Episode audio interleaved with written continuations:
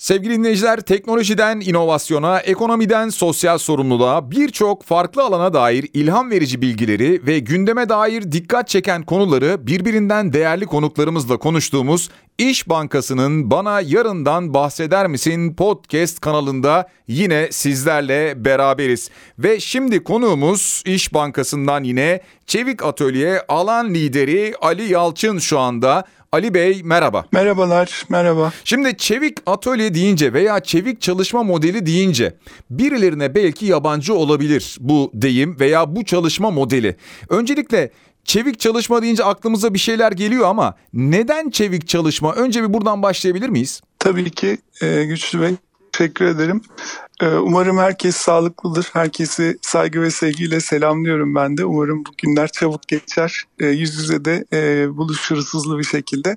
Hı hı. Şimdi aslında e, çevik çalışma biçimini e, şöyle tarif edebiliriz. Kurumsal hayattaki mevcut çalışma biçimlerinden farklı ya da buna alternatif olan bir çalışma ve düşünme biçimidir diyebiliriz.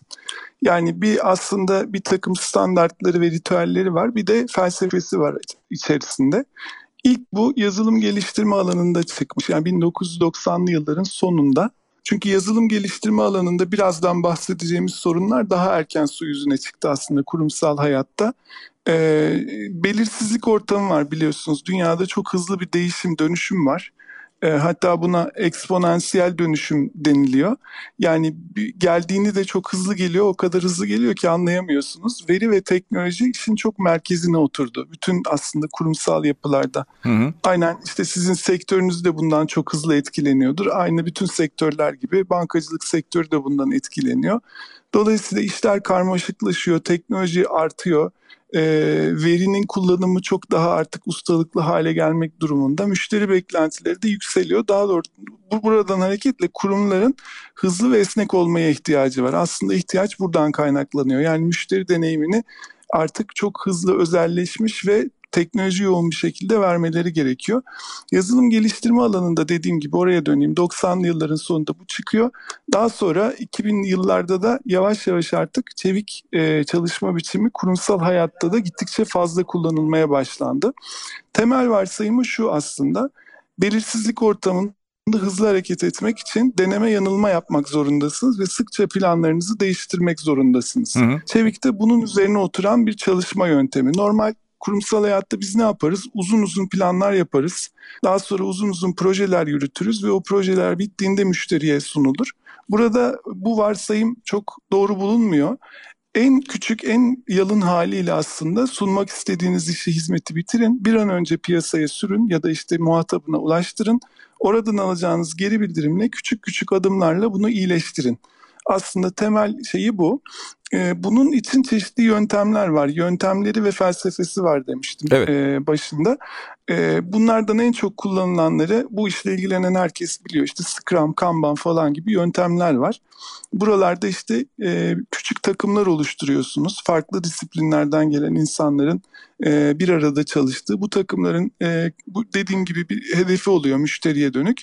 Bu hedefe ulaşmak için de sürekli deneye yanıla hızlı hızlı hareket ederek aslında çıktı üretiyorlar ve en sonunda müşterinin ihtiyaçlarına uygun bir ürünü oluşturabiliyorlar. Bir de tabii ki bunu düzgün yapabilmek için bir takım değerler ve felsefesi var. İşte şeffaflık, gözlem, adaptasyon, hızlı yanılma var mesela çok hmm. enteresan. Kurumsal hayatta çok aslında bizim eskiden e, eski paradigmayla sevmediğimiz evet. e, işte planlama yaklaşımındaki farklılaşma var. Sürekli e, böyle kısa kısa iş döngüleri içinde çalışıyorsunuz. Aslında şöyle anlatabilirim çok basitçe, özetle. Ee, bir spor takımının çalışması gibi e, aslında çevik çalışma. E, nedir? Küçük bir takım vardır. Herkesin farklı yetkinlikleri vardır. İnsana dayalı bir sistemdir. Ama takımın amacı tektir ve takımın hedeflerine göre kişilerin sahadaki davranış biçimleri değişebilir. Yani bir defans oyuncusu gerekirse gidip gol atabilir forvet oyuncusu gelip savunma yapabilir. Bunun gibi aslında rollerin biraz iç içe geçtiği ama takım olgusunun öne çıktığı işte günlük antrenmanları vardır takımların. Sürekli bir aradadırlar. Burada da her gün mesela ayakta yapılan 15 dakikalık bir toplantı var. Hmm. İş hayatını böyle küçük küçük takımlar kurarak aslında o takımları müşteri hedeflerine, müşterinin memnuniyetine bağlayıp çalıştırma anlayışı aslında çeviklik. Bu aslında şöyle mi? Yani spesifik bazı çalışmalar için bir araya gelinir zaman zaman ve ardından bu gruplar işlerini yaptıktan sonra dağılırlar. Hı hı. Ama buradaki çalışma anladığım kadarıyla biraz daha farklı. Böyle bir dağılma yok herhalde. Kesinlikle evet. Aslında kurumsal çevikliğe geldiniz bence. Hı hı. Tek başına bir çevik takım kurmak ve bir iş yapmak çevik olmak için yeterli değil. Bunu bir kuruma aslında mal etmek için e, bunun uzun soluklu da olması gerekiyor. Çevik takımların özelliği bir proje takımı gibi davranmaması aslında. Daha uzun vadeli. Hmm. Ama bir departman kadar da stabil değil yani daha akışkan. Yani biz bunları mevcut departmanlarımızın yanın ve yerine konumlandırıyoruz şu anda kurum içerisinde. 50 tane takımımız var İş Bankası'nda birazdan bahsederiz. Bunların hepsi aslında e, uzun vadeli bir takım dinamiklerinin oturması için yeterli zamandır birlikte çalışan insanlar. Yani dağılacakmışız hissiyatıyla bir araya gelmiyorlar. Önemli olan amacın gerçekleşmesi oradaki ürünün hizmetin iyileşmesi. Ben aslında bu çevik çalışma modeli içerisindeki çevik atölyeyi de gördüm. Siz de buranın alan liderisiniz. Evet. E, farklı bir çalışma ortamı var. Onun farkındayım ve e, bir yandan şu anlaşılıyor. Doğal olarak bir kuşak değişimi de yaşanıyor. Yeni bir genç kuşak var gelen ve çok farklı bakış açıları var. Şirketlerin de bütün bunlar için bu yeni gelen kuşaklara farklı ve anlamlı bir çalışma deneyimi sunma zorunluluğu da ortaya çıkıyor. Bir anlamda bunu da onlara sunmuş oluyorsunuz herhalde öyle mi? Kesinlikle Kesinlikle tabii. Kurumsal boyuttan bahsetmiştik başında. Şimdi hı hı. bir de insan boyutu var aslında. İnsanın çalışma hayatındaki durumu, çalışanların kurumsal hayattaki durumu da aslında çevik dönüşümden oldukça fazla etkilenecek bence önümüzdeki yıllarda.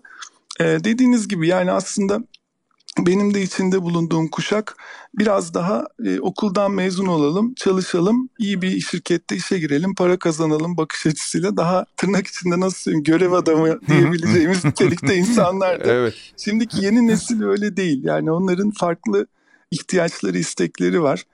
Ee, yani bu konuda çok meşhur bir kitap var Drive diye. Ee, aslında insanın motivasyonunun dışsal olamayacağını mutlaka işin içeriğiyle ilgili olduğunu söylüyor yaptığı işin. Yani e, otonom olabilmesi, kendi kararlarını alabilmesi, bir konuda ustalaşması, bilge hale gelmesi bir de bir amacın peşinde koşması. Aslında bu hissiyatı kurumsal hayatta alabilmek gün geçtikçe süreçler, işler karmaşıklaştıkça zorlanıyor. Herkes böyle küçük bir dişlinin parçasıymışçasına hareket ediyor. Bu da insanları mutsuz ediyor. Bir soyutlanmaya sebep oluyor. Hmm. Ben hangi amaç için çalışıyorum, ne için geliyorum, gidiyorum.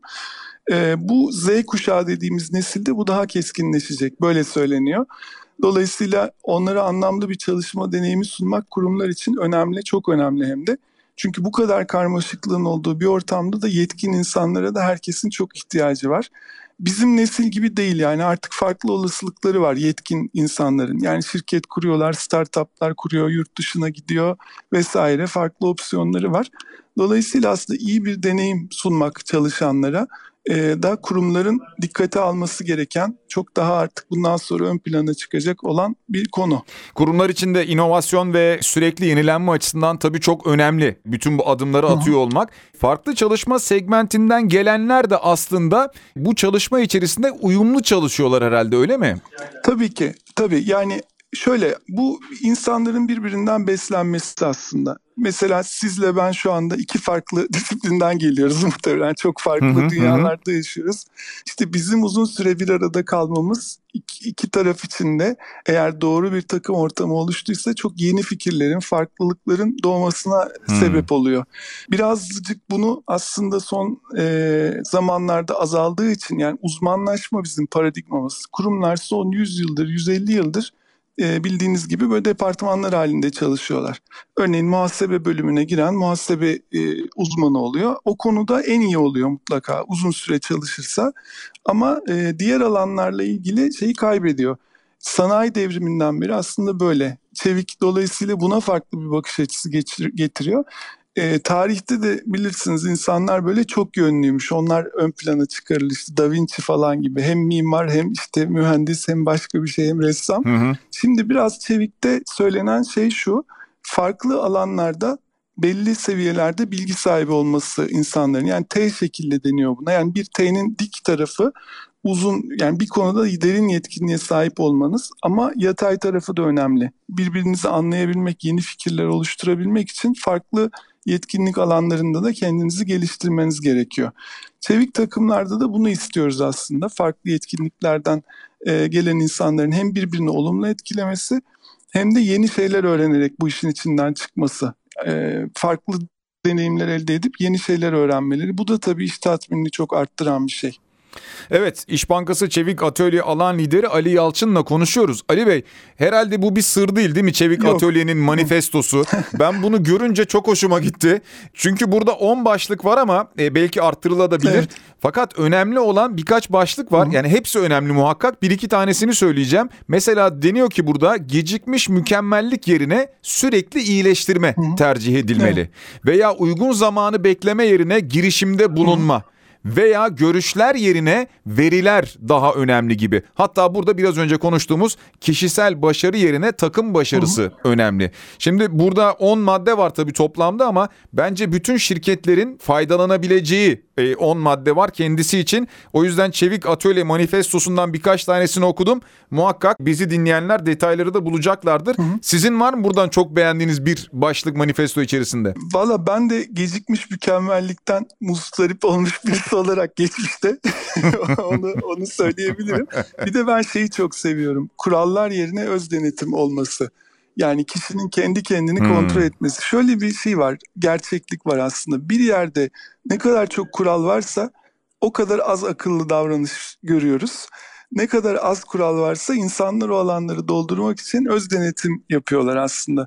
Şöyle bir şey okumuştum hani çarpıcı olsun diye çok kısa söyleyeyim. Netflix mesela örnek olarak şirket e, böyle bir şey hazırladı. İnternette açık var ilgilenenler bakabilirler buna. Bizimki çok kısa kendi e, çalışma çerçevemizi çizmek için oluşturduğumuz bir şey. Onlar şirket politikası olarak yazmışlar. İşte orada diyor ki mesela e, çalışanlarımın ben diyor işte harcırah vesaire işte bir iş gezisine gittiğinde şunu gönder bunu yap şu kadar limitte kal falan gibi şeyler söylemem diyor şöyle bir ölçü koyuyor. Kendin bir iş gezisine şahsi olarak gittiğinde nasıl davranacaksan benim için de öyle davran diyor. Eğer bunu davran bu hmm. böyle yapmazsan da ayrıca görüşürüz diyor. Yani seni bir insan kaynaklarına çağırıp görüşürüz. Dolayısıyla aslında o son cümlede çerçeveyi koyuyor, ölçüyü koyuyor. E, o otonomi, o çerçeve içerisinde insanlara özgürlük tanıyor.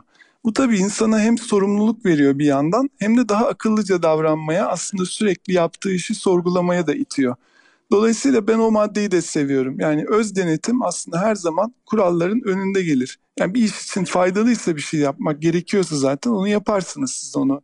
E, takımın başarısı için e, gerekli olanı yaparsınız diyoruz arkadaşlara. Evet. O manif- manifestomuz da bizim burada nasıl çalışırız biz? Yani bu çevik atölyede nasıl çalışırız? Onu aslında e, kendimiz birlikte yazdık bunu. İlk oluşturduğumuz arkadaşlarla oturduk hep birlikte böyle bir çerçeve ortaya koyduk.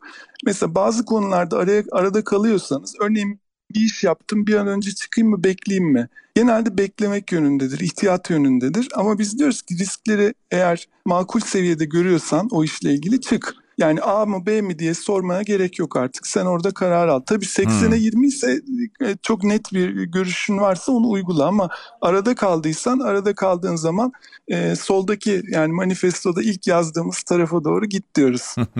Güzel. Peki biraz önce bahsettiniz dediniz ki bizim 50 çevik e, takımımız var. Bildiğim kadarıyla yine evet. 420 çalışan da var görev yapıyor şimdilik şu an için böyle. Evet. İş Bankası genel olarak bu anlamda ne gibi bir çalışma yapıyor? Nasıl bir yatırımı var? Ya şimdi İş Bankası'nın genel e, bakış açısı güçlü ve şöyle işlere. Önce bir sonuç oluşturalım. Ondan sonra bunu e, duyuralım, iletişimini yapalım, büyütelim.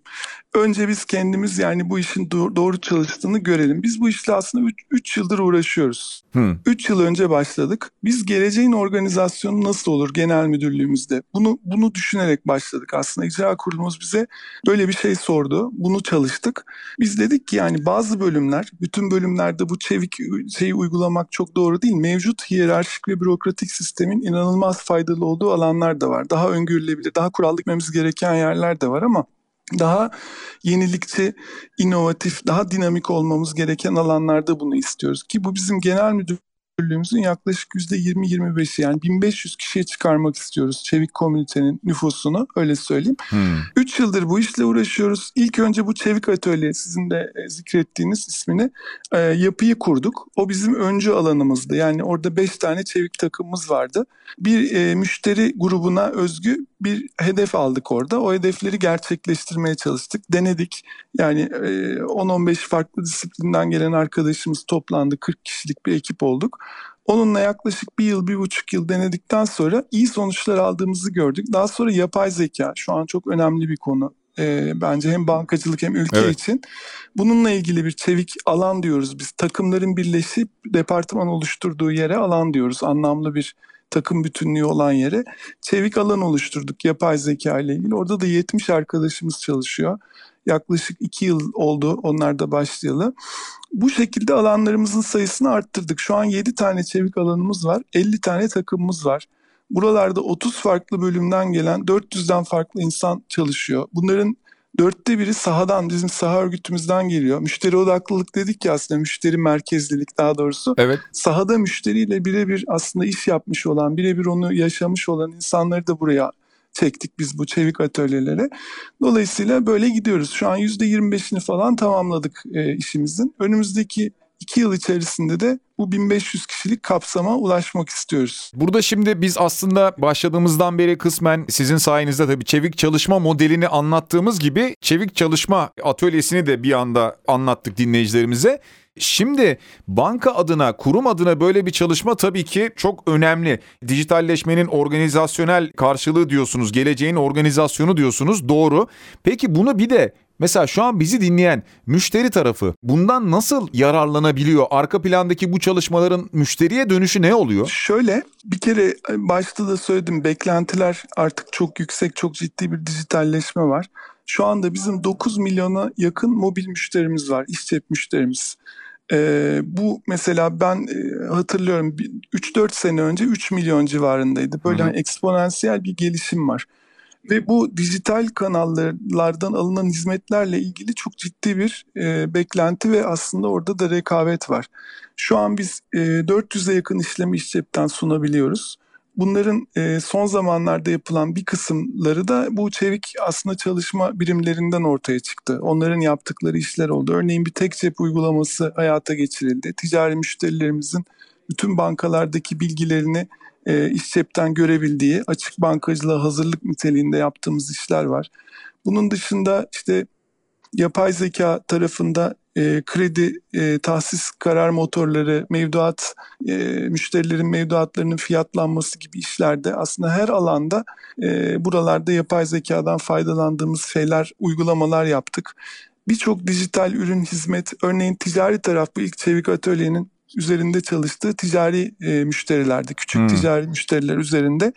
Türkiye'de ilk defa e, 100 bin liraya kadar küçük ticari müşterilerimizin e, hiç şubeye gelmeden ya da herhangi bir adım olmadan uçtan uca e, dijital kanaldan, iş cepten kullanabildiği e, krediler burada vardı. Bunları çok hızlandırdık. Bunların akışlarını değiştirdik.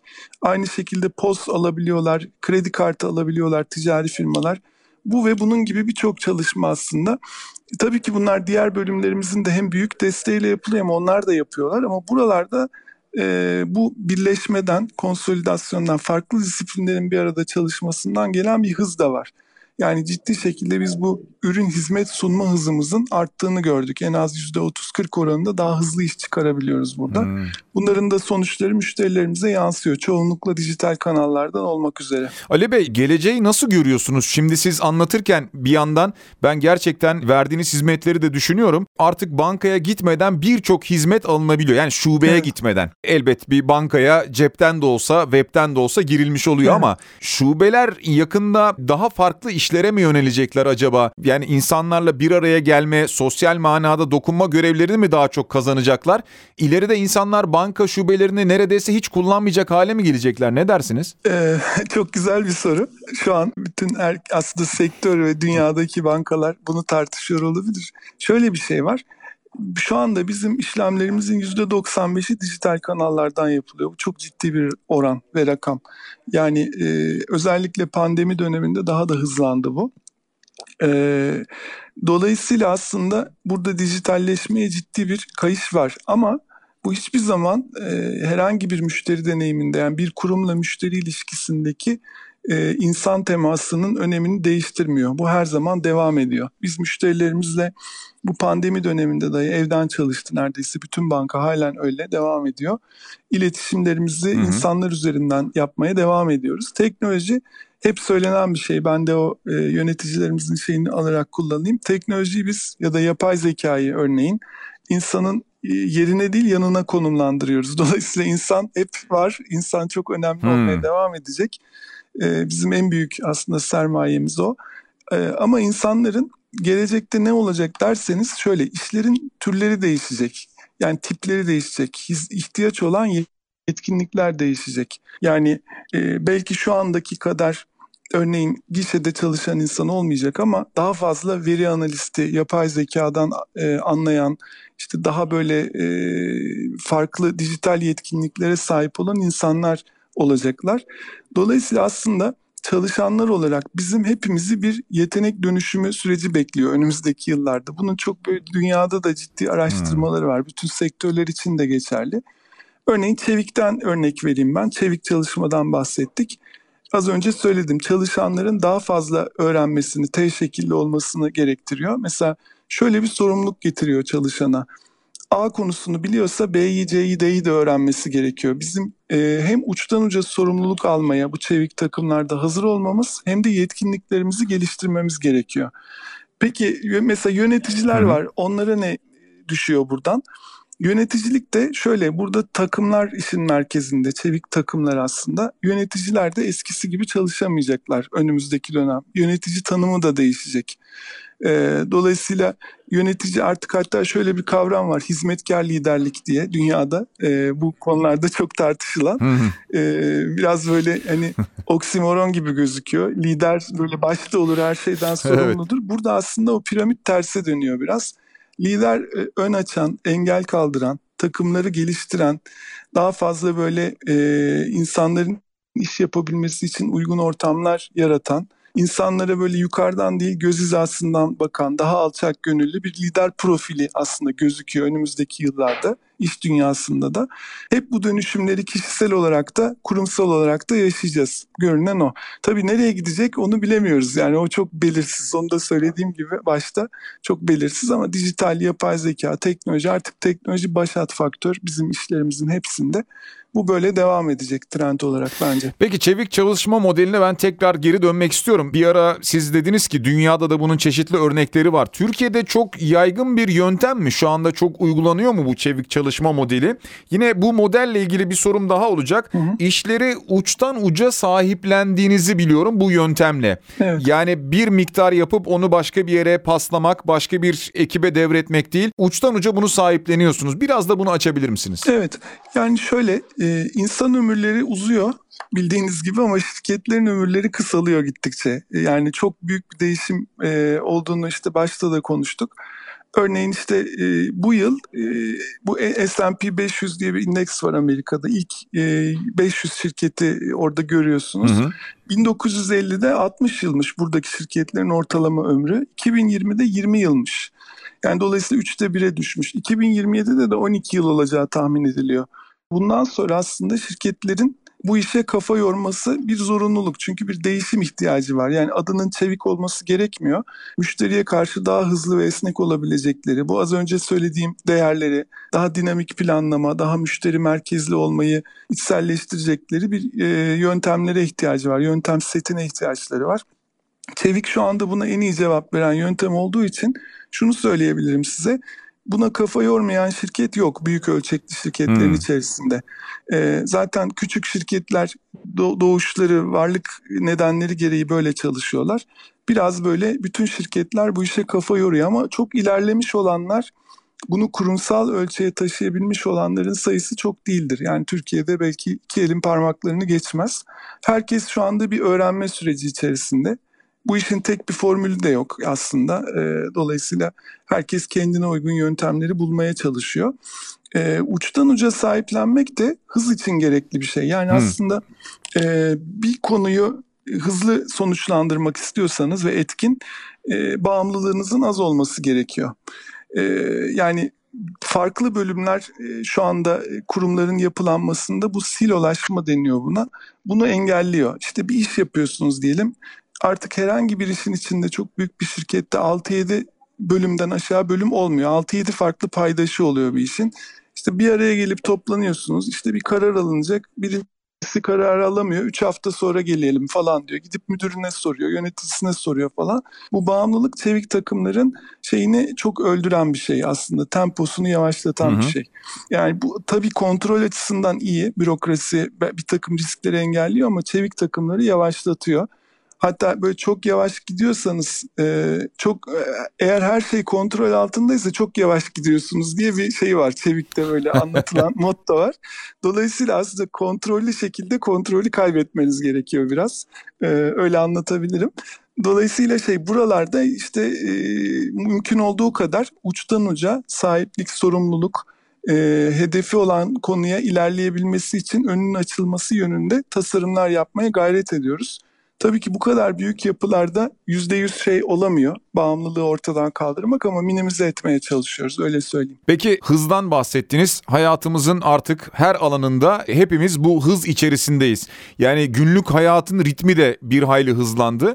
Bu hıza yetişirken bir yandan siz bu hedefleri belirlerken belirli süreler belirliyor musunuz? Yani bir hedef belirliyor musunuz bir iş için? Bu işin e, hedeflenen süresi budur gibi bir hedef oluyor mu? E, Sevik çalışmada e, hedef önemli bir şey ama aslında şöyle yarın mükemmel olmak için değil bugün daha iyi olmak için öyle söyleniyor. Bir hedef bizim kutup hmm. kutup yıldızı gibi bakıyoruz. Müşteriye aslında nasıl değer yaratabiliriz? En önemli değeri nasıl yaratırız burada? Ee, onu koyuyorsunuz ilk önce. Bu hedefe doğru giderken ama bu planınızı sürekli gözden geçiriyorsunuz. Yani şöyle bir örnek vereyim Güçlü Bey. Mesela Hı-hı. ben e, bir ev almak istiyorum. Bundan 5 sene sonra da planlıyorum. Bütçemi ayarladım. Bugünden şunu söyleyemem. Ee, Bağdat Caddesi'nde işte şu sokakta, şu apartmanda 3 artı 1 şu daireyi al- alacağım diye bir şey söyleyemem. Böyle bir mikro planlamaya inanmıyor Çevik. Ben Hı-hı. bir ev alacağım diye yola çıkıyorsunuz. Yavaş yavaş para biriktiriyorsunuz. Zaman ilerliyor. Ev fiyatlarına bakıyorsunuz. Parametreler değişiyor. Belirsizlik var çünkü. Belki iki sene sonra paranız biraz birikip ev fiyatları netleştiğinde ben evet bu Bağdat Caddesi'nden alabilirim diyorsunuz. Bir tık daha detay edebiliyorsunuz. Yaklaştıkça hmm. bir tık daha. Ama bu döngüleri sürekli işletmeniz gerekiyor. Yani uzun vadeli planlar güzel ama planın sürekli tekrar ziyaret edilip tekrar tekrar yenilenmesi e, önemli. Yani şöyle söyleniyor aslında planlar çok değerli değildir ama planlama çok değerlidir. Dolayısıyla hmm. biz aslında hedeflerimize öyle bakıyoruz buralardaki çalışma ortamlarında.